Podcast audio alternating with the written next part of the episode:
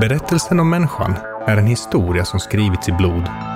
I podcasten Vår blodiga historia guidar jag, Dino Helmerfalk, dig genom historiens våldsamma, makabra och tragiska händelser. Du kommer få besöka platser och bekanta dig med personer vars berättelser chockerar, skrämmer och fascinerar. Känsliga lyssnare varnas.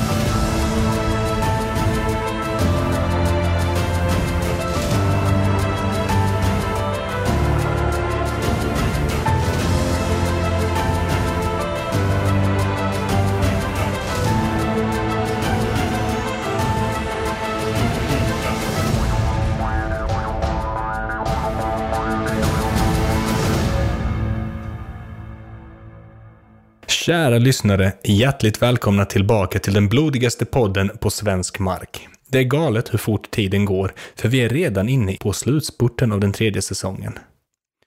Det blir inga långa haranger från mig idag, utan jag vill bara tacka alla er där ute som stödjer podden. Den senaste tiden har det trillat in mycket nytt folk på både Facebook och Instagram. Ni som är nya är hjärtligt välkomna. Om du som lyssnar inte redan följer podden på sociala medier så rekommenderar jag att du gör detta. För där är superspännande saker i planerna framöver som du inte vill missa. Ett särskilt stort tack till Petra Nyberg som skrivit manuset till dagens avsnitt. Petra är arkivarie vid Riksarkivet och har en fäbless för historisk true crime. Hon skriver för tillfället på en historisk roman som bygger på rättegångsmaterial från en mod och kärlekshistoria som ägde rum i Lund på 1850-talet. När den släpps kan vi naturligtvis påminna er som lyssnar. Jag har förstått att många av er gillar historia och true crime, så vad är då bättre än en fusion mellan de båda? Men nog pratat, häll upp kaffet eller knäck en öl, för nu sätter vi oss som vanligt i tidsmaskinen. Kursen denna veckan går mot Skåne under mitten av 1900-talet.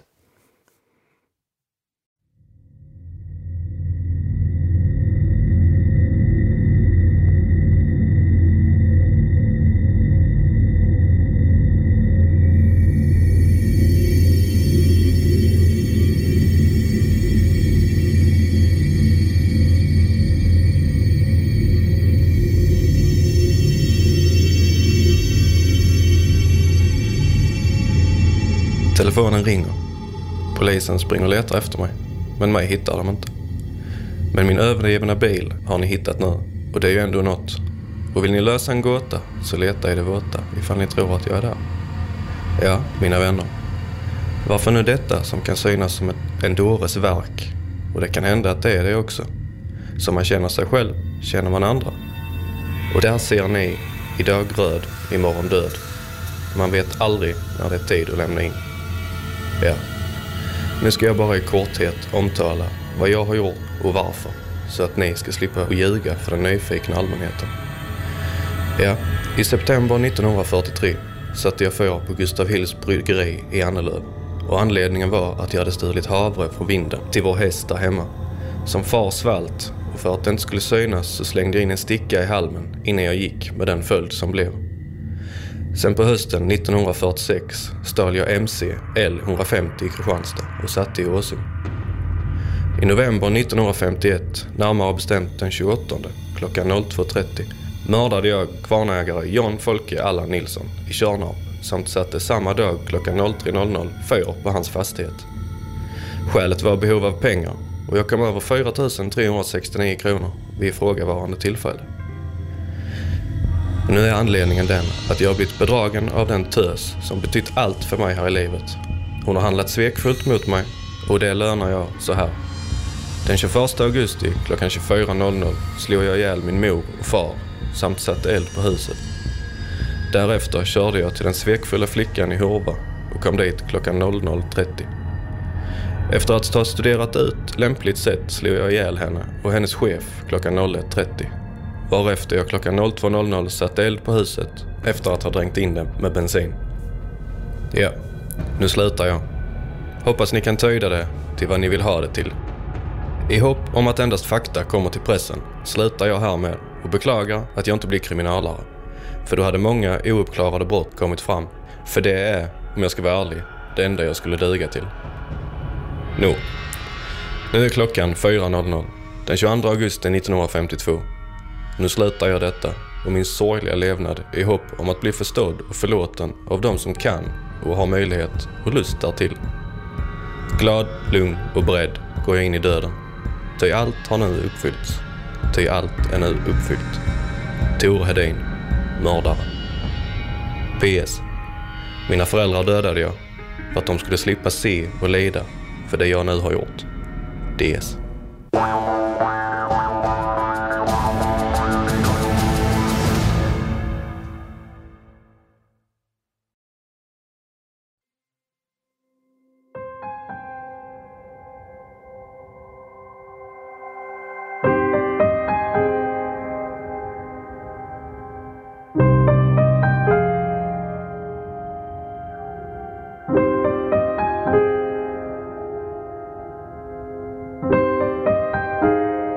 Skulle komma att säga att han, Tore Hedin, inte kunde uttrycka sig. De fyra fullskrivna sidorna rev han omsorgsfullt ur anteckningsblocket och placerade på passagerarsätet i den gröna bilen. Tore kände ett lugn eftersom han inte hade kunnat agera på något annat sätt och ingenting hade lämnats oavslutat. Tore Hedin knuffade ut den vita ekan från strandkanten i vattnet utan större motstånd, hoppar i och börjar ro. Stenarna i fickorna gör årtagen tyngre, men styrkan finns där. Bosarpssjön ligger blank och stilla. I den tidiga timmen är inte en levande själ ute. Framme vid sjöns mitt lägger han ifrån sig årorna och glider ner i vattnet. Innan det omsluter honom hinner Tore notera att temperaturen faktiskt är riktigt behaglig. Tore Hedin hade varit fjärdningsman, något som lättast kan beskrivas som ett slags polisbiträde. Två timmar innan självmordet hade han lämnat ett brinnande inferno bakom sig. I den idylliska byn Hurva i mellersta Skåne stod ålderdomshemmet i lågor och de gamlas hjälplösa och förtvivlade skrik väckte byns invånare. Brandkår och polis är på plats inom en halvtimme. Tillsammans med hjälp av tillströmmande bybor lyckas de få ut 13 av de 17 boende på ålderdomshemmet. Kvar i elden blir Maria 70, Elna 83, Bengta 86 och Nils 84. En svårt brännskadad 80-årig kvinna kommer att avlida ett dygn senare på Hörby lasarett. När polisen går in i det utbrända ålderdomshemmet förstår de att de fem döda pensionärerna inte varit gärningsmannens egentliga måltavla. På husets bottenvåning hittar de två brutalt ihjälslagna kvinnor.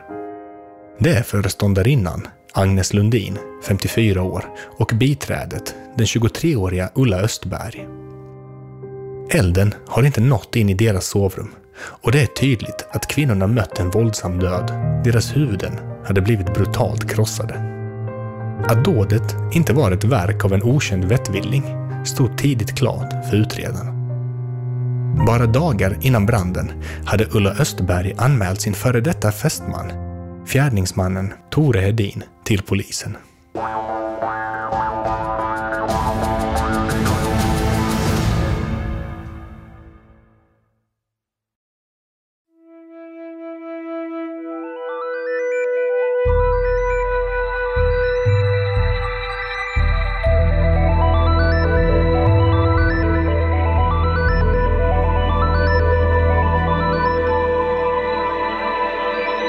Tore och Ulla hade varit förlovade i fyra månader innan hon gav tillbaka honom ringen. Under deras gemensamma bilresa genom Sverige sommaren 1952 hade Tore visat sidor som gjorde Ulla rädd. Han hade nämligen blivit våldsam när hon vägrat ha sex. Efter hemkomsten väljer Ulla alltså att avsluta förhållandet. Men detta kan Tore inte acceptera. Han fortsätter att kontakta henne och på tisdagen den 19 augusti samma år åker han till hennes arbetsplats, Hurva ålderdomshem, under förevändning att han vill ha tillbaka några gåvor som han gett till den tidigare fästmön. Tore försöker övertala Ulla att de ska bli tillsammans igen och lovar att inte vara våldsam, men hon står fast vid sitt beslut. Tore Hedin är ingen hon vill ha i sitt liv. Han tappar fattningen, vräker omkull Ulla på sängen och låser hennes händer med sina handbojor. Därefter tvingar han in en näsduk i hennes mun och när hon gör motstånd river han upp ett sår i hennes mun med sin vassa klackring. Tore stannar på Ullas rum hela natten och innan han ger sig av på morgonen hotar han med att döda henne om hon berättar för någon vad som hänt. Ulla är livrädd och på morgonen berättar hon gråtande för sin chef, Agnes Lundin, om vad hennes före detta pojkvän utsatt henne för under natten.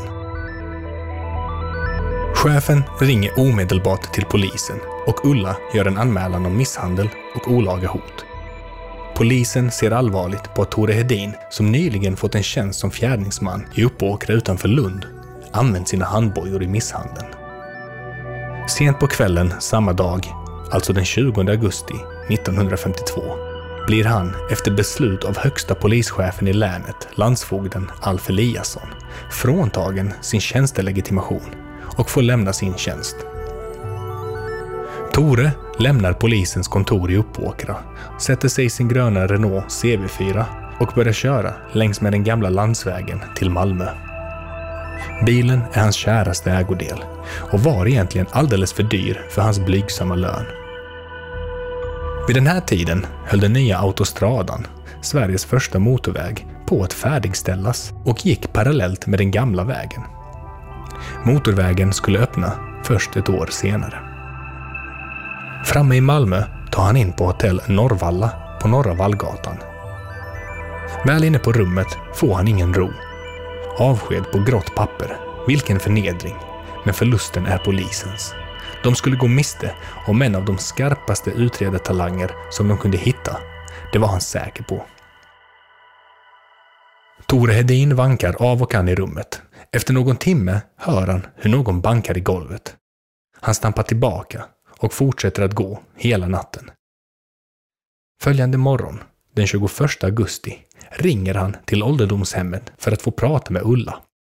Hon måste ju förstå att han inte var sig själv när han besökte henne några dagar tidigare. Det var hennes avvisande som drev honom över gränsen. Men han kommer bara fram till föreståndarinnan, som påstår att Ulla är på sjukhus. Det tror han inte på. Så skadad kan hon omöjligen ha blivit. Hon fick ju bara en skråma. Nej, Agnes Lundin ljuger för honom. Det ska hon få ångra.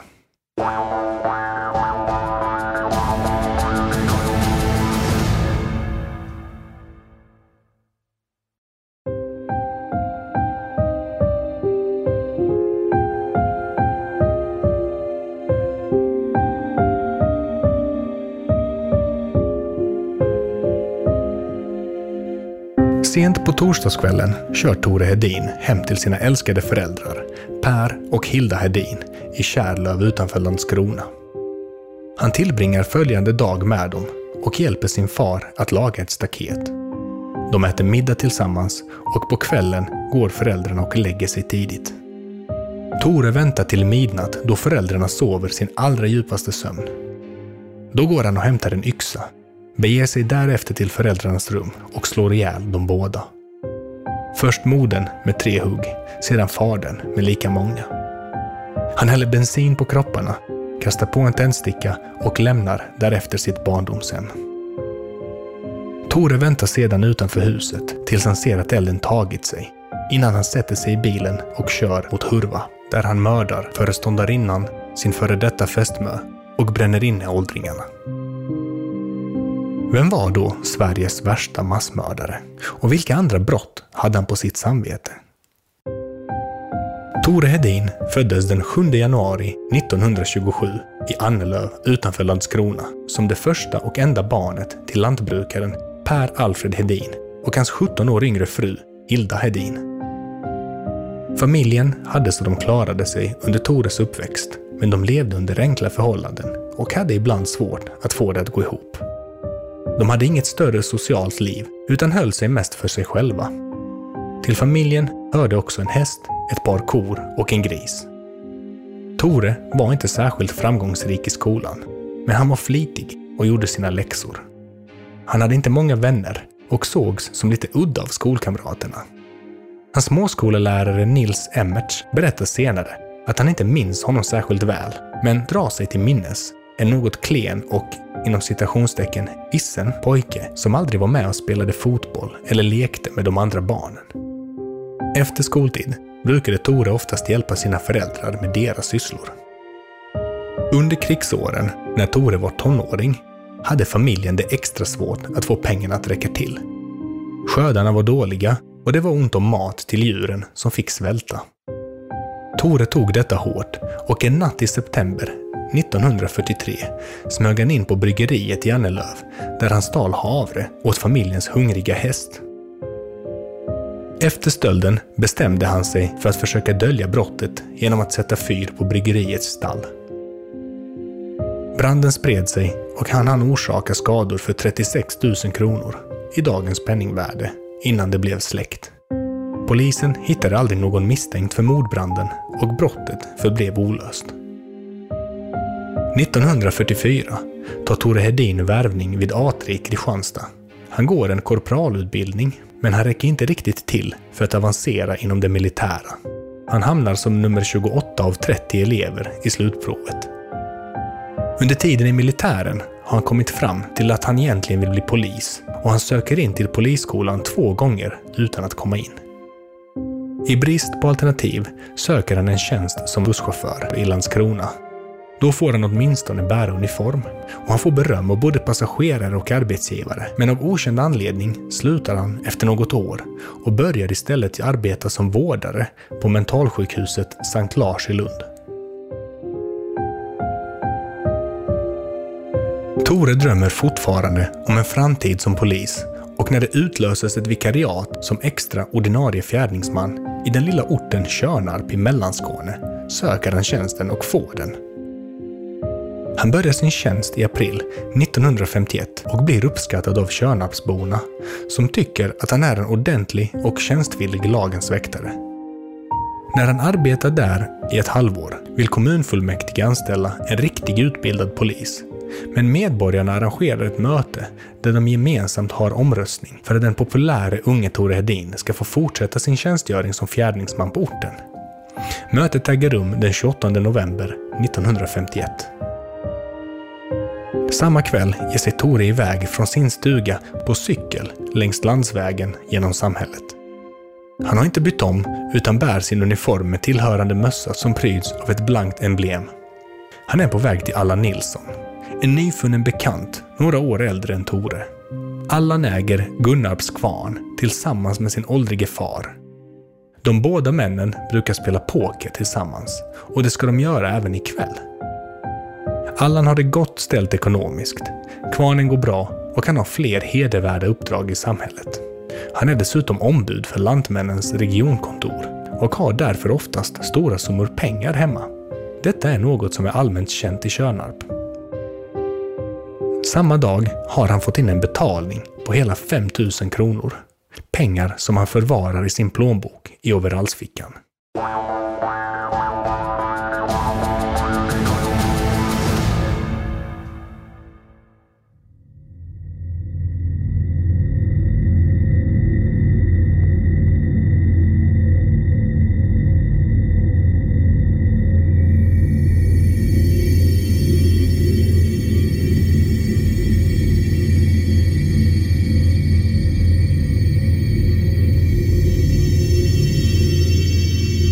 Cykelns pakethållare har Tore surrat fast en dunk bensin och i den bruna portföljen han bär med sig ligger en yxa. Under kvällen spelar de flera partier poker och Allan, som inte spottar i glaset, blir allt mer påverkad. Tore själv rör inte starksprit utan nöjer sig med ett par pilsner. När klockan blivit långt efter midnatt har Allan somnat, eller kanske däckat rent av. När han lutar sig tungt över bordet ser Tore sin chans. Här är ögonblicket han väntat på. Han tar fram yxan ur portföljen som ligger på stolen bredvid och slår ett hårt slag i vännens huvud. Allan hinner inte märka vad som händer och får bara fram ett gurglande läte innan Tore låter yxan falla ännu en gång. Blodet stänker över hela köket. Med mycket besvär släpar han in Allan till hans sovrum och lägger honom på sängen. Har han tur kommer det se ut som att Allan överraskats av elden i sömnen. Tore tar plånboken ur overallsfickan och räknar belåtet pengarna. 4 693 kronor. Efter en stunds tvekan tar han även Allan Nilssons nya schweizerur från handleden.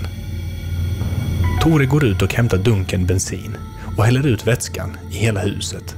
Den räcker inte så långt. Han måste ha något mer. Bakom huset hittar han några gamla oljefat. Han hämtar oljan i en kanna och börjar hälla ut den i sovrummet. Han avslutar med att hälla det sista över Allans kropp och ansikte.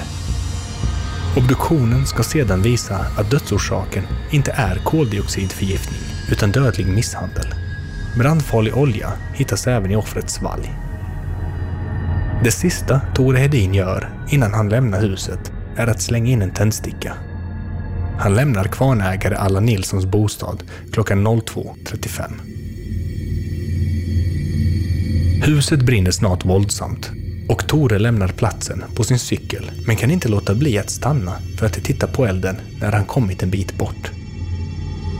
Snart hörs sirener från Körnarps frivilliga brandkår. Klockan är nu 03.30 på morgonen. Folk från byn börjar samlas ute på vägen framför huset och alla är oroliga för mannen som de vet bor där inne. Brandchefen går in, men hettan är för stark och han måste ta sig ut. Brandkåren får helt enkelt fokusera på att hejda branden. Som av en händelse är Tore Hedin den första polismannen på plats. Han är iklädd full uniform med skjorta och slips, något som vittnen i den frivilliga brandkåren sedan ska anmärka som underligt. Själva hade de pyjamas under hastigt påkastade ytterkläder. Tore tar kommandot och försöker öppna den låsta köksdörren genom att slå sönder ett fönster med en bräda. Dörren är låst från utsidan och nyckeln saknas men ska sedan dyka upp. En mystisk detalj som noteras av polisens tekniker. När elden är släckt går brandmännen in i det nedbrunna huset tillsammans med Hedin. Det är Tore som pekar ut Allan Nilssons döda kropp i hans säng. Kroppen är svårt bränd, men man kan se att benen är utdragna och att ena handen stödjer sig mot nattduksbordet som om han försökt resa sig. Tore Hedin ringer sin chef, landsfiskal Erik Holmgren, som begär hjälp av stadspolisen i Malmö. Stadspolisen skötte större brottsutredningar i länet mellan 1933 och 1965 och det är i deras arkiv som utredningen om morden går att finna. Tore försöker lansera teorin om att elden börjat i en ugn i ett av rummen. Men när den kontrolleras visar det sig att det inte finns någon aska i ugnens asklåda. Den har inte ens varit igång. Nej, det står klart och tydligt att det rörde sig om en mordbrand. En annan detalj som skvallrade om detta var den lukt av bensin som dröjde sig kvar i resterna av det nedbrunna huset. Tore är polisen behjälplig under utredningen och på bilder från dåtidens tidningar ser man honom posera. På någon bild silar han aska för att hitta ledtrådar. På en annan håller han i ett lås som suttit i en dörr på brottsplatsen. Stadspolisen har upprättat en kommandocentral på Tjörna pensionat och Tore är en av dem som svarar i telefon och tar emot tips. Snart får de in flera vittnesmål från personer som sett en lång, mörklädd man med cykel stå vid vägkanten. Flera har noterat en mössa med ett blänkande emblem. En lastbilschaufför som körde förbi klockan 02.55 hör av sig och berättar att han också sett den uniformsklädde mannen och tänkt vad konstigt att polisen står där mitt i natten. Flera hade också lagt märke till att det varit upplyst hos Allan Nilsson under natten. Man har även sett en herrcykel ligga slängd framför huset. Eftersom många sett någon som burit uniform i närheten av Allan Nilssons bostad förhörs alla tänkbara personer som bär uniform i sitt yrke. Man pratar med postanställda, busschaufförer och järnvägsmän. Tore Hedin blir också förhörd, men ingen kan ens i sin vildaste fantasi tro att en polis skulle kunna utföra ett så fruktansvärt dåd och allra helst inte deras hjälpsamma gärningsman. Mängden tips som kommer in till polisen är enorm. Folk anger sina grannar och udda personer i lokalsamhället blir utpekade. Många vägrar tro att mördaren är svensk och vissa kallar det rena Chicago-fasoner. Synska personer hör också av sig och säger sig kunna leda polisen till gärningsmannen. En av de mest uppmärksammade är mediet Olle Jönsson från Varberg. Han tillbringar en hel dag tillsammans med Tore då han känner in olika föremål som den döde varit i kontakt med. Det finns bilder på detta från tidningsreportage. Jag kan när som helst avslöja vem mördaren är. Även om han befinner sig på andra sidan jordklotet kan man läsa att fjärrskådaren säger. Detta trots att han befunnit sig hela dagen mindre än 10 centimeter från mördaren Tore Hedin. Trots att en belöning på motsvarande 140 000 kronor utfärdas lyckas man inte lösa mordet. Poliser och journalister lämnar Tjörnarp så småningom. Mordet faller i glömska och mördaren kommer undan rättvisan. Ända tills den 22 augusti 1952 då sanningen avslöjas i det avskedsbrev som du hörde i början av detta avsnitt. Tore Hedin blev 25 år gammal. Han mördade 11 personer.